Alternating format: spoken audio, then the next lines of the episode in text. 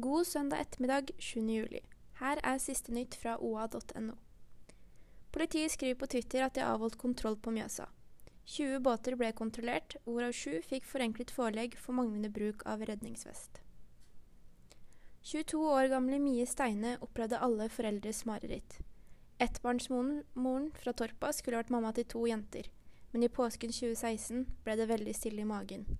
Da hun kom til sykehuset på Lillehammer, fikk hun vite at barnet var dødt som følge av oksygenmangel. I dag er Mie fylkeslagsleder i Landsforeningen for uventet barnedød i Oppland og Hedmark, og hun hjelper andre som opplever det samme som hun selv har gjort. Jeg vil at andre skal få samme tilbudet som jeg fikk da jeg ble rammet, sier hun. Veisjefen i Gjøvik kommune forstår frustrasjonen rundt veiarbeidet på Tungjordet. Mens arbeidet er godt i gang med en 750 meter lang ny vei i Jonas Lies gate, og flere gater har blitt rustet opp, er det behov for ytterligere opprustning flere steder.